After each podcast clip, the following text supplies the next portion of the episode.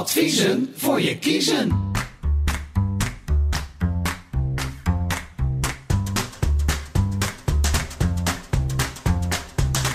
Welkom bij Adviezen voor je kiezen. Een podcast met antwoorden op vragen die je anders nooit gesteld zou hebben.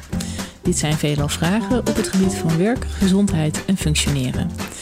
Ik ben Karen Hosmus, geregistreerd bedrijfsarts, extern vertrouwenspersoon, consultant en directeur-eigenaar van een bedrijfsdeskundig adviesbureau genaamd Hosmus Synergie. En naast mij zit Victor Chevalier. Hij werkt als trainer, coach en mediator voor het Transitie Instituut. Al decennia lang begeleidt hij particuliere, werknemers en werkgevers bij problemen en veranderingen. In deze podcast, wat doet nou eigenlijk een mediator? Victor, welkom. Vertel eens, wat doet een mediator? Wat, eh, dat is een kuchje. Wat doet eigenlijk een mediator? Een mediator is eigenlijk iemand die op het schoolplein staat en twee ruziende partijen zelf de oplossing laat bouwen. Oké, oh, nu moet ik gelijk denken aan mijn bonuszoon, die daar toen ooit voor gevraagd is op de lagere school. Ja, ik heb een bonuszoontje. Ik ken de term niet, wat is een bonuszoon? Ja, dat- dat is het zoontje van mijn vriend. Oké, nee. En dat noemen wij een bonuszoontje. Een bonuszoon. Ik, eh, Oké. Je had hem nog niet eerder gehoord. Nee. Maar je noemt dit voorbeeld. En ik weet Ja. dat hij op een gegeven moment thuis kwam en vertelde dat hij gevraagd was als mediator voor op het schoolplein.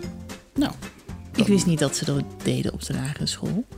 Toen de tijd. We zijn nu met een paar jaar verder. Maar eh, vertel eens, hoe, hoe zit dat? eh, nou, je hebt een school en daar komen allemaal kinderen samen. Mhm. En eh, die spelen daar. En dan hebben ze ruzie en zo. of was dat je vraagt niet? Nee, die snapte ik. Oh, die snapte Ik ben zelf ook naar school geweest toen ik jong was. Oh, oké. Ja, Ja. ja.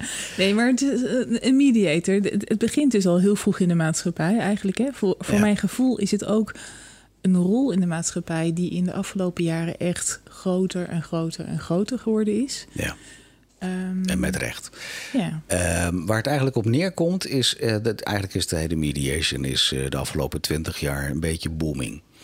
In alle eerlijkheid, toen ik mijn opleiding deed in 2003, eh, toen had ik ook de illusie dat ik daar wellicht in de toekomst van zou kunnen leven. Oké. Dat is niet zo. En ik denk dat er vele mediators met mij zijn die daar niet van kunnen leven, omdat het, het, het, het aanbod in dat opzicht relatief laag ligt. Serieus, dat meen je? Ja, je ziet wel advocaten-mediators. Dus mensen die eh, rechten gestudeerd hebben... en vanuit die hoedanigheid ook een mediation-opleiding gevolgd hebben. Ehm, ik, ik heb daar altijd wel wat... Ik vind daar wat van, zeg maar. Wat In- dan? In, de zin dat ehm, ehm, ik een advocaat een wezenlijk andere functie vind als een mediator. En het aantal mensen dat eh, en een goede advocaat is en een goede mediator is, vind ik, is, is het percentage heel laag. En dat komt door het volgende. Ehm, als ik een advocaat zoek, dan zoek ik een tijger. Een tijger die voor mijn belangen opkomt. Dus Ja. die, die, die echt ehm, bij wijze van spreken geen duimbreedte toegeeft, omdat het recht aan mijn kant staat. Dat is een advocaat. Een mediator vind ik essentieel anders. Een mediator die gaat eh, samen met jou op zoek naar waar de mogelijkheden heden liggen om er samen uit te mogen komen. Dus dat vraagt ehm, ehm, eigenlijk een, een, een, stuk menselijkheid. Waarmee ik niet wil zeggen dat een advocaat niet menselijk is hoor. Maar Nee, om even aan te geven. zeggen, Ja, ik ken nee, er een ik- paar, maar die zijn best wel menselijk. Precies, ik heb ook eh, advocaten in mijn kenniscircuit zitten die absoluut goed zijn en absoluut. eh, Voordat ik geen glas wijn meer hebben. krijg, eh, die vrienden er een beetje mee oppassen. Ja, ik denk dat ze wel snappen wat ik eigenlijk wil Ja, zeggen. ja. Ehm, ik, Ze ik, zijn eh, wat strijdlustiger. Is dat wat je bedoelt in de zin van het behalen van rechten? Het is misschien ook het verschil tussen gelijk hebben en gelijk willen krijgen. Ja, het is, als ik, als ik met, met, met mijn praktijk daar mensen in begeleid, dan, dan zoek ik naar de, eh, degene wat, wat, wat, wat, wat ze echt samenbrengt, waar ze wel een gemeenschappelijk belang hebben. Ehm, ik, ik, ik zeg wel eens gekscherend, eh, en, en dan ga ik toch een beetje katten richting advocatuur. Maar het, het is een beetje alsof je slager bent en dan een klein bordje erbij hangt en dierenarts. het, het, is, het zijn Een hele bijzondere. Nee, maar het, is, het, het, het, het zijn zo, vind ik, verschillende dingen. Ik vind wel dat mediation een hele grote meerwaarde heeft. Ja. In de zin, als je eenmaal voor die rechter staat eh, met je tegenpartij, om het zo te mogen uitdrukken. Dan zijn er al zoveel loopgraven gegraven. Dan is er al zoveel ellende, zeg maar. Dat je, je niet meer kunt verwachten dat die mensen later nog steeds eh, eh, prettig met elkaar kunnen omgaan. En die, die mogelijkheid is, heeft mediation wel. Ja, precies. Het is, nou als ik even kijk uh, bij mij in de praktijk, ehm, en daar treffen wij natuurlijk ook arbeidsconflicten uiteraard. En dat je dan eigenlijk kijkt aan de hand van de conflictladder. Hè, misschien dat jij daar zoiets over kan vertellen. Maar eigenlijk in wat voor stadium nu een conflict zich bevindt. Mm En of dat inderdaad niet in de extreem is van, uh, we noemen dat dan maar samen de afgrond in. Ja. Dan zie je zonder verharding. Dan Precies. is daar ook geen ruimte meer om, om samen naar een gulden middenweg uh, te zoeken. Ja. Of tot een goede oplossing te komen met elkaar. Um, tot welk stadium zie jij ruimte als mediator? Of zeg je van, nou ja, een goede mediator... die kan dat aan het einde van zo'n stadium toch ook wel weer terugbrengen? Nou ja, daar roep je wat. Uh, ik heb ooit jaren geleden een, een, een mediation mocht ik beginnen... waar uh, een teamleider bij zat, een locatiemanager uh, bij zat... een advocaat van uh, de instelling waar ik voor werkte... een advocaat van de werknemer waar het om gaat... en de vakbond zat aan tafel. Kijk aan, en, dat is een zware tafel. Ja, een hele zware tafel. En een dure tafel. Ja, ook dat. Mocht wat kosten. Ja. Um, en ja, dat, wat het eerste wat ik dan eigenlijk zeg van... jongens, ga allemaal lekker naar huis toe, want dat ga ik niet doen. Mm -hmm. um, ik vind het belangrijk om in, ook in dat stadium... Uh, eerst nog uh, met beide partijen helemaal los te gaan praten van... joh, waar staan we nu? Waar komen we vandaan? Mhm. Mm -hmm. um, vanuit dat perspectief begin je dan ook even af te pellen... Wat, wat eigenlijk de feitelijke grondslag geweest is voor het conflict waar men dan in zit... En al die opbouw aan, aan emoties en meerwaarde van het negatieve wat er dan eigenlijk bij komt. Mhm. Wat je dan moet gaan doen, vind ik, is gaan onder, onderzoeken of je al die opbouw, dus om die hele staffel die er bijna bij zit aan emoties, aan boosheid, aan, aan dingen, of je, dat nog, of je daar nog ruimte voor vindt om naar de kern te kunnen teruggaan. Van, van kun je nog komen bij het basisconflict waar Ja. het eigenlijk om van start ging? Um, als je dan ook uh, kunt uitfilteren dat er een, een, een, een, waarschijnlijk een enorme antipathie naar elkaar toegebouwd is. Van kunnen ze nog dingen benoemen die ze wel waarderen en respecteren in, in elkaar? Is daarop het antwoord ja? Uh, nou, dan wil ik nog wel eens kijken van ja, misschien dat je daar toch nog wel wat, wel wat ruimte vindt. Mm.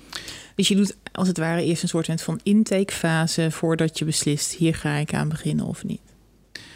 Um, ja en nee. Het is altijd aftasten van, van, van waar je eigenlijk staat met, met iemand. Dus natuurlijk, je hebt die, je hebt die, je hebt die aftastfase van, van, van, van kunnen we daar überhaupt komen. En daarvoor word je wel vaak ingezet. In de zin dat men eigenlijk het dus ja, een beetje als laatste redmiddel ziet voordat men uiteindelijk bij die rechter staat. Mm -hmm. um, over zijn zijtakje, ook al zou dat bij die rechter zijn, hè, mm -hmm. dan, dan ziet men dat altijd als het ultieme. Van dan heb ik helemaal mijn gelijk gehaald en dan, nou, heb ik het, heb ik het binnen. Weet je wat nou het grappige is? Want ik zit regelmatig in de rechtbank, hè? Ben lid van het Medisch Tuchtcollege. Ja. Um, maar als ik ook in die rechtbank kijk, wordt het toch soms ook best nog wel gestuurd of men er eerst toch niet onderling uit kan komen. Nu is dat Ja. bij een medisch tuchtcollege vaak wat anders. Hè? Dat zie je nog wel eens in de vooronderzoekfase. Um, maar ik kan me er ook herinneren dat kantonrechters mensen, zoals ze dat dan noemen, even de gang opsturen. Ja, precies. Ja. Ja. Ja.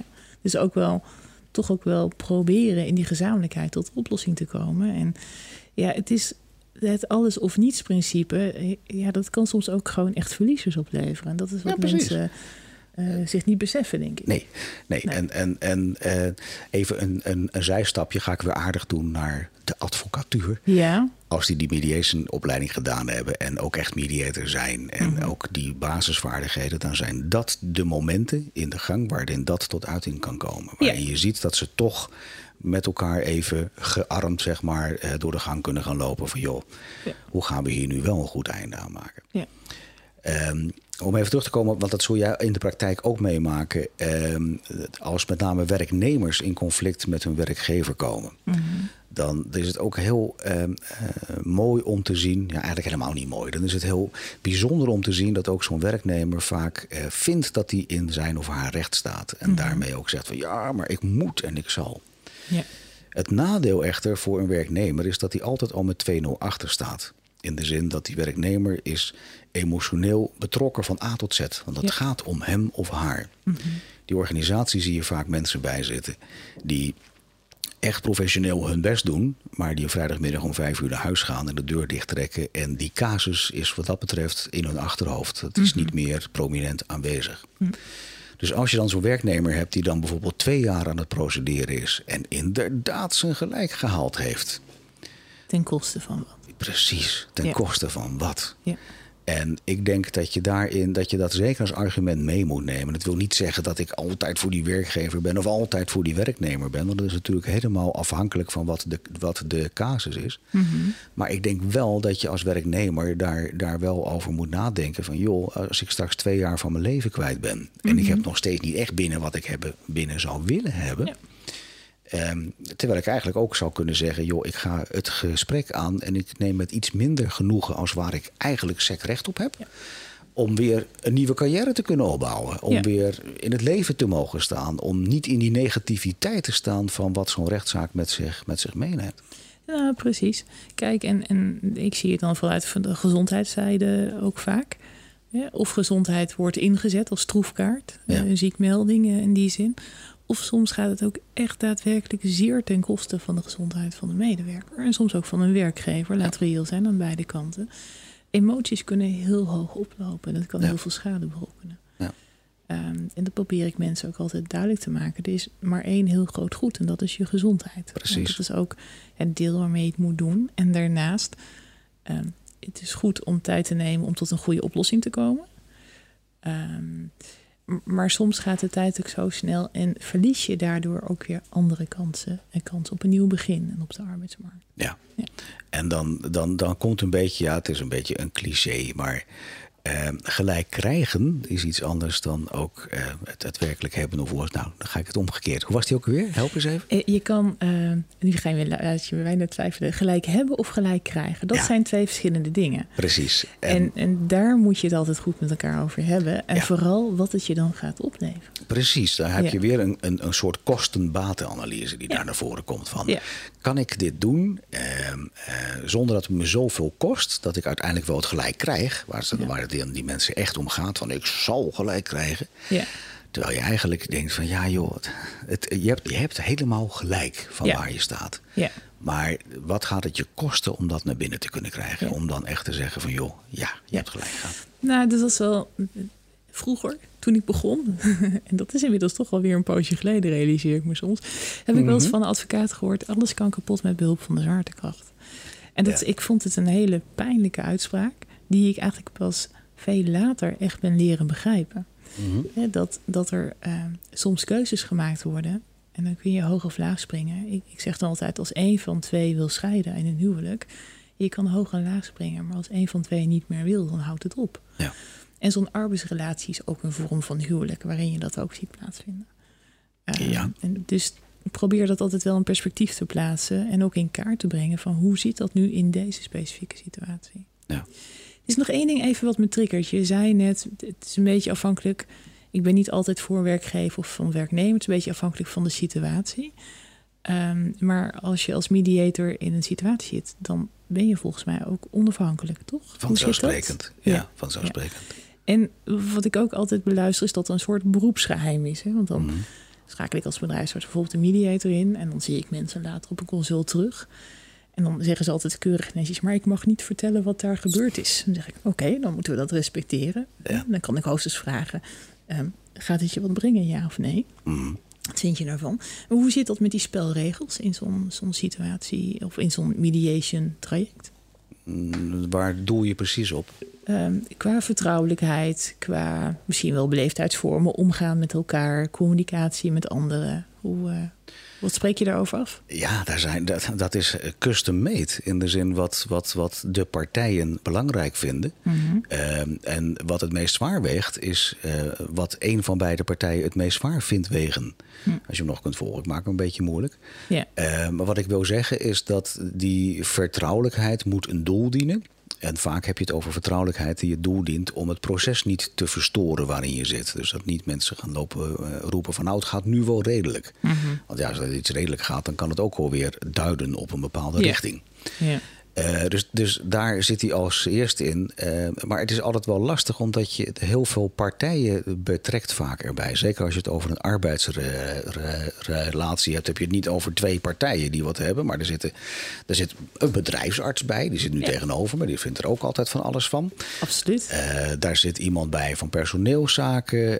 daar kan een, een, een teamleider bij zitten. Daar kan een coördinator. Ik verzin ze allemaal, maar die, ja. die vinden allemaal wat. En ja die zijn vaak bij, bij zo'n uh, proces betrokken om dat uh, goed te kunnen krijgen. Dan kun je die vertrouwelijkheid, moet je daar wel uh, sec in maken dat je, dat je goed afspreekt wat, welk gedeelte vertrouwelijk is en welk gedeelte misschien juist met opzet uh, open ligt om te kijken hoe de andere partijen daarover denken. Maar daar moet je heel tactisch mee omgaan. Ja, ja.